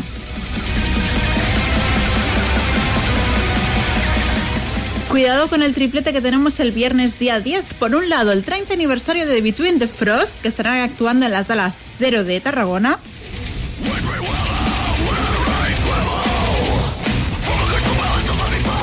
Eh, por otro lado, tenemos a Anteros y Le Temps du Loop en la Sala Salamandra.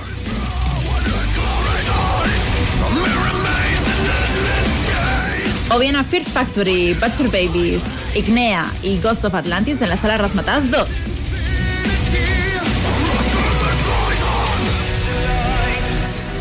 El sábado 11 también está muy concurrido. Tenemos la tercera edición del Mortis Fest con Nocten, Numen, Atrexia, Litos y Mortis Crugentus en la sala Marea Rock de Alicante.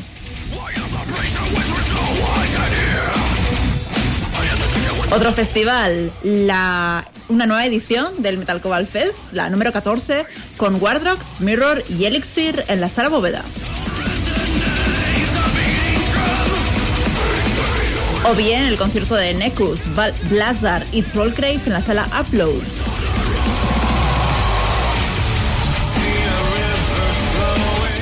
Lunes 13, Crisium, Peace, Diffusing God y Triagnode en la sala Bóveda.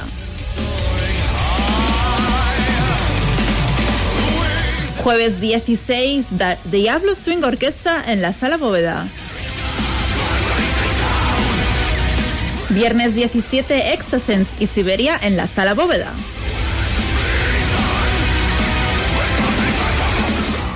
Sábado 18, Cherokee Crash Bones en el Spy 1314 de Rubí.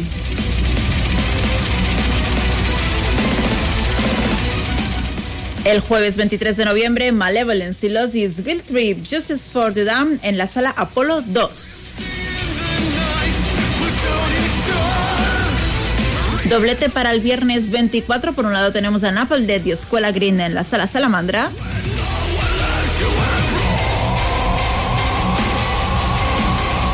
Y por otro a Velaco, Blaze Out y Terminal Violence en el Club de Mataró.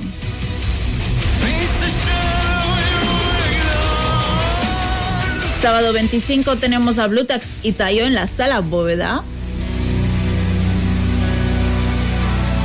O bien un festivalazo llamado Dark Air Fest que tendrá lugar en la sala La Capsa del Plata y con las actuaciones de Adrift, Moonloop, Vidres a la Sang, Barbarian Prophecies, Jade y Litos. Y atención, porque la próxima semana habrá novedades al respecto de este festival, así que seguir el domingo que viene tenéis que estar aquí a la escucha también.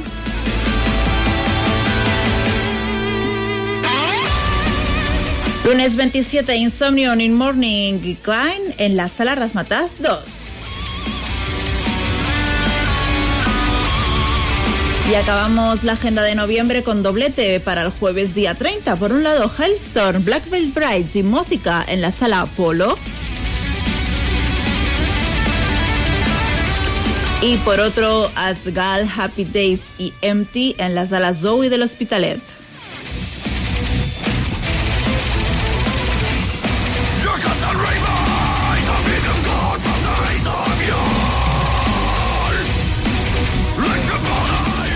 Y seguimos con el programa para contestar a Lester, porque en Twitch nos estaba diciendo que para él la llorona era cortarse las venas. Y, y Lester el otro día me contactó, que sabe que a mí me gusta muchísimo que me recomienden música, y más cuando me tienen pillado los gustos así de cosas eh, extremitas, weirditas o cosas que me pueden interesar. Y Lester ha dado en el clavo, me ha hecho una buena, buenas recomendaciones de muchas cosas, y voy a por una de ellas que me ha gustado muchísimo y que quiero compartir con todos vosotros y vosotras. Ellos son Barathon. Eh, una banda desde Grecia, Grecia, black metal. Sabemos que en Grecia el metal extremo está súper. Bueno, lo hacen como muy bien. Cuidado. Cuidado, porque por si demandan has taxis. escarbado? No he escarbado si Es que en quieren taxis o no. En Grecia es complicado. la En escena. Grecia es complicado todo, Esperemos en que, general. Esperemos que Lester haya hecho el trabajo de escarbe previo. Eh, de momento creemos que no piden taxis y, Pero vamos, y que- tienen pinta de ser buena gente. Ya está. por la foto uno a veces también sabe si Yo he pinchado o aquí a. Nair Mataron en su día y ahora el bajista es diputado de Amanecer Dorado. O sea, Bueno, la pecados- vida, ¿no? La vida. tenemos todos. La vida, la vida. Skeletons in the closet. Pues mira, eh, casualidades de la vida. eh, Con esto de las recomendaciones y los griegos blaquerillos llamados Barazón, eh, porque se formaron en el, en el año que nací y el nuevo disco verá la luz el día de mi cumpleaños, así que están hechos para mí. Ha sido ¿En el año que nací? En- que nací, que Ah, nací, vale, con nací. acento en la I al final, nací aguda. Nací, Bien, bien. ¿vale? Así que. Xenia, ¿puedes, perdón, pu- ¿puedes deletrearlo? Porque... Sí, con V, V-A-R-A-T-H-R-O-N. Barazón. Vale. No sé, ¿Se parece a algún nombre seguro del Señor de los Anillos? Sí, no, no, es ¿Verdad? que no hay, no hay, no encuentro de Arazón, ellos. hijo de Arazón, Correcto. eh, nieto de de, de- de- de-. Isildur, ¿no? Son de Isildur, todos, la familia... ¿Y tú de quién eres? Sí, sí. Eh, sí, exacto. No, eso no preguntes nunca eso en la Tierra Media. No, no, no, porque te lías. Te da la, te da la hora de cenar. Correcto. Pues eh, estos Barazón van a sacar su séptimo largo llamado The Crimson Temple el próximo 1 de diciembre vía Agony Records, Records, y ya tenemos el single adelanto llamado Hegemony of Chaos, así que vamos a escuchar estos Barazón.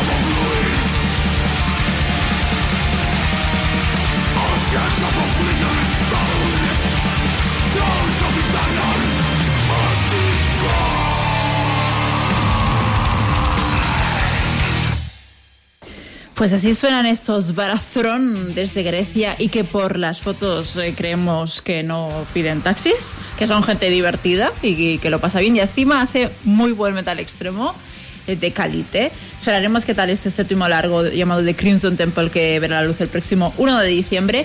Y aún así, Lester también recomienda que escuchemos el anterior Patriarchs of Evil, que le gustó muchísimo. Así que bueno, pues ya tenemos deberes para, para hacer. Yo me he hecho muy fan de Barazón. No me extraña. Te ha De- gustado. Del capitán, sobre todo. ¿Te, te ha gustado? Sí, porque eh, hemos, hemos indagado un poquito. De hecho, a ver, fundado por el señor llamado Spiros. ¿Quién es Que no es el de? Septic Flesh, no es el Spiros de Septic No, Flesh. correcto. Pues el señor Spiros se hace llamar Captain Death. Se llama Spiros Papanastasatos. Y el año que viene cumplirá sus 60 años griegos. Eh, metal griego y noise punk. También se hace llamar Space Freak. Y si entráis al perfil de Barathron a Metal Archive veréis la mejor foto de un músico ever. Que es el señor Spiros, así repanchingado en una silla, como esperando una paella. Con un sudapollismo extremo. Pero cinturón negro, o sea, muy fan, muy fan, muy fan.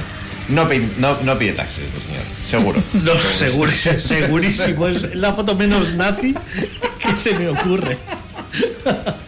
Qué maravilla. En cambio, no, no, en cambio no. Eh, en cambio, Joder, hablando de la foto de la foto de perfil, eh, sí que da gloria ver la foto de perfil de la banda que yo os voy a presentar a continuación. Son Anima Herética, ¿eh?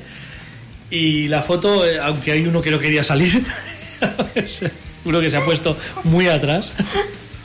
La foto es foto auténtica. Anima Herética es una banda de, de Finlandia, entre Tampere y Helsinki, que se presentan como una banda de, de melodic death metal, pero no es así, no es cierto. Les voy a negar a ellos mismos su Vale. propia definición, Me parece bien. porque los encuentro más un post-black, o sea, tienen elementos de black, pero meten muchas cosas. Y una de las cosas, en el tema que vamos a escuchar, es un acercamiento, antes hablaba Alfonso también, de algún acercamiento un poco gótico, sin llegar a sonar a Paradise Lost y tal, pero esto, en este tema concretamente, tienen una base y algunas, al- algunas de las voces también eh, limpias que meten, porque es el de los pocos temas donde encontramos alguna voz limpia. Descended from the Mountains se llama el primer larga duración de estos eh, Anima Hereticae. Como digo, y el tema es en finlandés, eh, es el tema Kalman Vaki, la gente de Calma. No, de, no Peña de Tranqui, sino Calma El- como, la banda como Calma. lugar. No, no, ah, no. no, del lugar. El lugar, Calma. Vale. Kalman Vaki, la gente de, de- los habitantes de Calma. Eh, el quinto corte de los siete que componen eh, este Descended from the Mountains, eh, como os digo, Anima Herética desde Finlandia.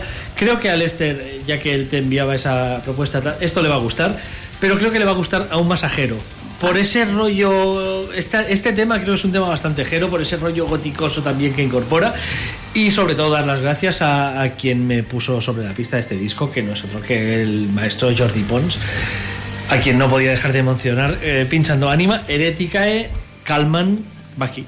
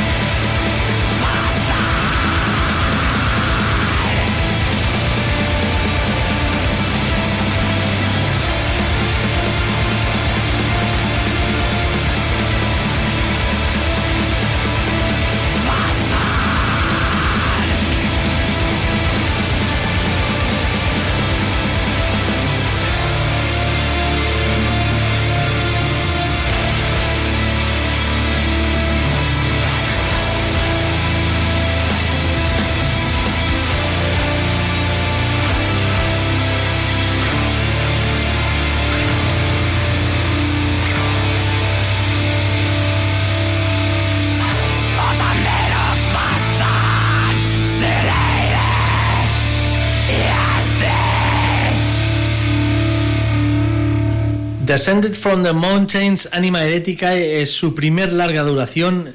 Una portada además fantástica con todos los elementos, montañas nevadas, un sol de medianoche, una especie de eremita oscuro a lomos de una bestia, el, padre de todos los renos. Reno, ¿no? Sí, sí. Y un par de lobos por ahí también, bajando de las montañas. Descended from the Mountains, como bien dice el título.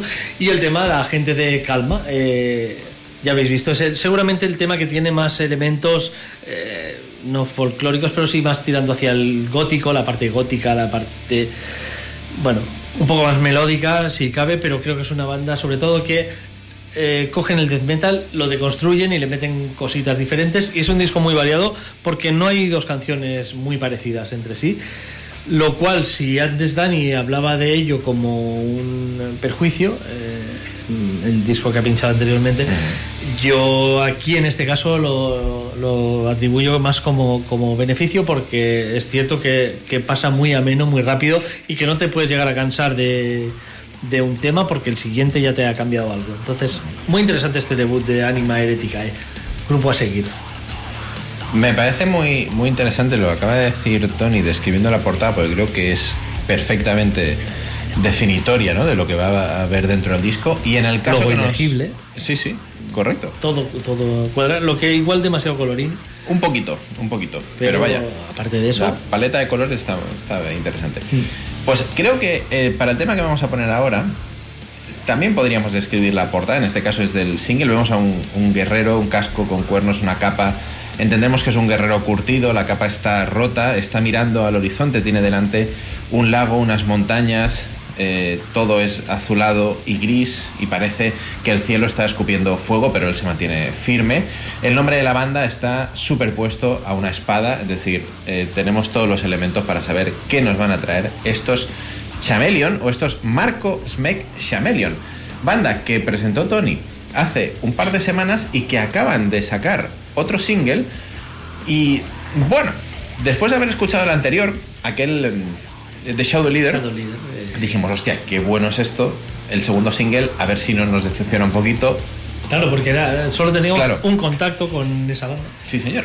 Y claro, es, es, es mu- difícil. No, iba a decir es muy fácil. No es muy fácil hacer una gran tema, pero, un gran tema, pero sí que puedes coger todos los elementos del power metal y decir, los pongo aquí, los ordeno aquí, hago una Sí, buena performance de todo ello y, y sale una buena canción. La segunda es la complicada. Llegar es difícil, mantenerse es eh, lo importante. Exacto. Claro, con este Hero's Tale estábamos, no voy a decir, eh, poco resabiados, pero sí que estábamos a la expectativa y creo, y, hablo por Tony también, porque lo estuvimos comentando, que nos ha convencido bastante el tema y que nos va a complicar mucho el top. eh, si sigue en la línea del disco de diciembre y casi del año. Y, y algo mejor aún Sí, que sí. escuchad ahora el tema que ponga Dani, pero sobre todo mírate el vídeo. Sí. El pelazo de, de- Es una maravilla. El pelazo del, del teclista, del, del- Es una maravilla. del líder de la banda, de Marcos hecho, Neck. de Marcos Neck, el pelazo, Sí, la melenaza negra que tiene, cómo consigue moverla por encima del teclado y que nunca le tape la cara, es alucinante. O sea, me quedé totalmente hipnotizado por los movimientos de melena de, de Marco.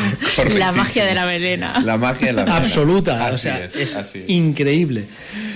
Fans del power metal. El cantante confirmas que no es aquel británico que estuvo a punto de ganar Eurovisión, ¿eh? Confirma. Vale. Hosti, ¿se parece? ¿O Eh, porque canta igual? No, no, se parece. No, no, no canta Vale. igual. Es melena rubia y barba poblada. bueno, pero eso es algo como muy genérico. Se me refería a fis- la cara, si se le parecía y eso. No, de cara no, no. no, no. Ah, solo por melena rubia y barba. Sí, podría ser. Jordi Tárrega también, pero no, en este caso. Ok. es- Podría, es- podría ser Tony cuando se deja barba. Sí, bueno, sí, también. Ahora hace tiempo. ¿eh? Es verdad. Seguidores del Power Metal, reuníos porque llega Heroes Tale, lo nuevo de Marco Snack Chameleon. Qué gozada.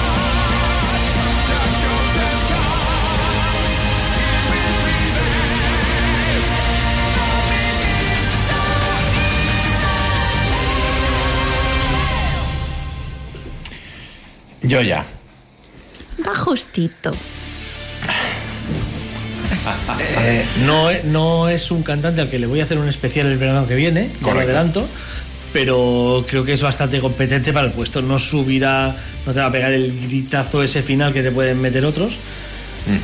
Pienso ahora en Shadow Strike, por ejemplo. Sí. Pero no, no, o sea, cumple muy bien con lo que se le pide. El tema es que es, es un cantante al que ya le ves que igual esto llevarlo al directo lo va a sufrir. Pero en disco de momento creo que bastante impecable dentro de su registro, que es más comedido que el de muchos cantantes del estilo que estamos acostumbrados a, a escuchar. Yo estoy muy a la expectativa de este Legends and Lords que aparece el 8 de diciembre porque tiene una pinta excelente dentro del power metal. Evidentemente solo hemos escuchado dos temas y falta mucho pescado por vender. Pero, sí, y me gustó. Y son 10 temas. quería, quería pues hablar un poco de eso, ¿no? Que seguramente escucharemos esto el 8 de diciembre y diremos el disco de power metal del año. Puede, puede que lo sea, es cierto, pero también Xenia comentaba antes que, que seguramente a muchos discos les beneficia salir a estas alturas de Sí. año por eso, porque lo tienen más fresco cuando haces el top. Por eso he traído hoy esto, Y, y que no es el disco que nos ocupa en este año, pero Magic Opera sacó ponte la cámara, que se vea, que se vea. Tony. Se le ve, se le ve a Presume, Tony, se le ve a presume. Tony. Te Magic. Opera sacó en enero un disco difícilmente superable. Derdian, desde luego, no se han acercado siquiera. Es que Marco Garau era el teclista de Derdian, que abandonó a su banda madre. Y, y el disco de, de Marco Garau de este año me parece una obra de arte del power metal que no sé si Chameleon lo van a, a superar. Y por ejemplo, no quiero dejar de olvidarme también de una banda que han confirmado para, para el Rock Imperium eh, del próximo verano, que viene de Japón, que Dani siempre nos pone sobre la pista de sus lanzamientos, y es que Love Bites también a comienzos de año sacaron uno de los discos de power metal más redondos que he escuchado en este año. Discos que se van a ver muy perjudicados en las listas de los top anuales por haber salido tan pronto.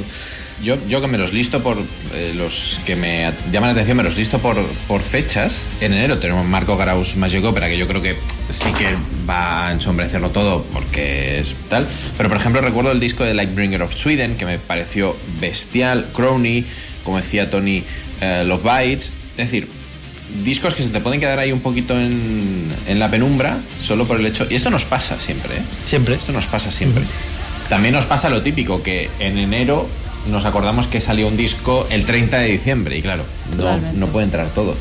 Pero sí que es verdad que siempre hay ese, ese déficit de atención a lo que ha salido al principio, pues porque la memoria tiene sus límites y porque tenemos una cantidad de salidas y de novedades cada semana que es absolutamente demencial. Además estamos en unas semanas eh, complicadas donde eh, hay que separar muy bien lo que, lo que te llega porque es un bombardeo constante y poco tiempo tienes de mirar atrás. Eh, yo recomiendo mucho, eh, sobre todo a la gente que, que gusta hacer este tipo de listas y demás, el hecho de hacerse playlist. Correcto. Eh, yo me salva la vida. Mi playlist 2023 me salva la vida porque es, es disco que tenga alguna mínima posibilidad de ir a algún top, bye. Ahora mismo os voy a actualizar. el Una lista de minu- 240 bandas que No, no, no, sé no, qué, no, no, sé no, no, no. cuántos. No, no, no. De hecho, lo hablaba el otro día con Tony. Os voy a actualizar filtra- el marcador. Tony filtra muchísimo más que yo. ¿eh? filtro a saco porque es eh, mira tengo Pues no lo 45 parece, ¿eh? tengo 45 bandas Es y de esas pocos. 45 hay unas cuantas que ya sé que no van a ser de top pero filtro mucho mucho tiene que ser algo que, que tenga muy claro que opta o eh, es verdad que de, de estas 45 por ejemplo hay algún tengo un tema de Camelot, por ejemplo. Sé que el disco de Camelot no va a entrar en mi top, pero ese tema sí va a entrar en mi top de canciones del año. Hay veces que te pasa eso, que una canción te llama mucho la atención y el disco no. Y hay como varias canciones que son de ese estilo, que el disco sabes que no va a entrar, pero la canción la tengo. Entonces, reduzco mucho y aún así, estamos hablando de 45 temas, reduciendo a Sí, saco sí. y lo que queda por salir. Fijaos que yo tengo ahora la lista delante de mejores temas del 2023 y son 11 horas 39 de música. Por ejemplo, de hecho hay dos de, de la banda que decía, de Lightbringer of Sweden. También hay de Twilight Force, que es otro trabajo. ¿Ves? A mí ese es un trabajo que se me ha quedado corto para lo que esperaba. Sí, yo tengo, he rescatado dos temas de este. Pero bueno. Complicado, complicado. Va a ser como siempre muy difícil. Varias cosas. En Twitch, Ariel nos dice que cómo se llamaba esta banda que les ha, les ha, mo- les ha motivado. Chameleon. c h Chameleon. Escuchasteis hace unas semanas el primer de Shadow Leader. de Shadow Leader, el primer tema y, y ahora este. Pero este, si lo rescatáis, por favor rescatadlo en el videoclip que es maravilloso. O sea, Sobre todo por las melenas. Sí, sí, yo todavía estoy viendo esa melena. Sí, sí. Lo Y su puede, magia. Lo puede encontrar por Chameleon o por Marco Snacks Chameleon. Vale, otra cosa. Eh, dice que le recuerda mucho a los discos en solitario de Luca Turilli. Eh, que tiempos de espadas y dragones. Recuerda, recuerda eso, recuerda Sonata Ártica, a ratos recuerda Stratovarius muchas veces en mucha estructura de canciones. Eh, recuerda algún ramalazo, alguna melodía de Hammerfall incluso escuchado ahí. Recuerda a, a todos los clichés que os podáis imaginar de. Yo el teclado inicial, este que estamos escuchando, lo metería más, como decía Tony, en, en la primer tercio de la discografía Sonata Ártica, igual que Sí. con Luca Turilli. Sí, sí, No pero, sé. pero es verdad que, que los estribillos, eh, la Correcto. composidad de los estribillos son. Correcto. Te, te remiten bastante. Y claro, espadas y dragones, pues evidentemente también nos tenemos que ir a Rhapsody, por supuesto, a la, a la etapa. Aunque Turilli, como hablamos de en el especial de Rhapsody que tenemos por ahí en YouTube, que hicimos hace ya no sé Sí, cuánto, eh, Turilli ahora quería montar un tema de piano clásico y luego otra banda estilo Muse y bandas así. Tiene inquietudes el hombre. Pero, pero es que de- desde que dijo eso ha desaparecido. Ni Se lo han siquiera, lo ni siquiera lo los haga. Turilli Leones Rhapsody que hicieron un discazo debut tremendo han, Está han en un seguido. sótano sometido a tortura. Y la última Queremos cosa. dragones. La última cosa es que Lester nos está echando, que nos tiene muy visto ya que quiere que pinche a Kiko. Que a Kiko le hemos dicho en más de una ocasión que si quiere puede pinchar, pero Kiko escucha metal. Y escucha el octavo día. Y escucha el octavo día Quiera por no cojones. quiera, además, no le quiera queda no otra que estar aquí haciéndonos compañía. Exactamente. Bueno, dicho esto, seguimos con más metal, que estamos ya en los minutejos finales, eh, finalísimos. Eh, para eso me voy a dirigir a ese grupo, a ese chat de Telegram que tenemos eh, tan vivo, con tanto debate, que se comparte tantísima música, que se aprende de tantísimo, porque toda la gente que está ahí mm, son eh, mega masters, metal masters del metal. No sé, hay que buscar aquí una palabra para ello. Y la verdad es que es un auténtico lujo, porque Que no sea Mega Masters. Que- sea, no, la otra palabra, por eso digo que hay que buscar una palabra. Yo no soy buena para estas cosas. Eh, eh, no, no se, no se me da bien. Era, era por apuntar. Sé cuáles son mis limitaciones. Masters, por ejemplo, pues, Masters mejor, of me- Metal. Mejor que, sí, Masters of Metal. mejor que Mega Masters. Sí. Pues esta semana Pablo nos compartió el nuevo proyecto de Vince Val, de Bluetooth North y de la tarde de Bornagar. Pues claro, con estos dos nombres, pues uno que se espera la calidad sea mínimo de sublime, de excelente. Y, lo que encontramos en esta banda franco-noruega llamada Ershetu, eh, E-R-S-H-E-T-U. Su disco debut, Shivalba, vio la luz el pasado 27 de octubre vía de Bemur Morty Productions y lo que nos muestran es un black metal así de corte experimental, cosa que evidentemente estando la zarra y estando Vince pues ¿qué, qué te esperas? Eso. Eh, ¿Algo eso te caballo rey de estos dos? No, no, no colaría. Por lo que se ve, este proyecto va a tener continu- continuidad. Es un disco que es conceptual, trata sobre la muerte desde la visión de la civilización maya y tienen previsto hacer otros discos para tratar la muerte pues desde otros puntos de vista y desde otras religiones. Pues tras la escucha del disco, eh, que está bastante bien y que ahora vamos a escuchar, yo he de confesar que le necesito dar más escuchas porque tiene una parte folky que quizá a Dani le gusta mucho y, y que es la parte como más especial y distinta y que distingue a la banda, pero también aún no me acaba de convencer. Vamos a escuchar el quinto corte, Hollow Earth, para conocer a estos eh, Ershetu y luego comentamos a ver qué tal os han parecido.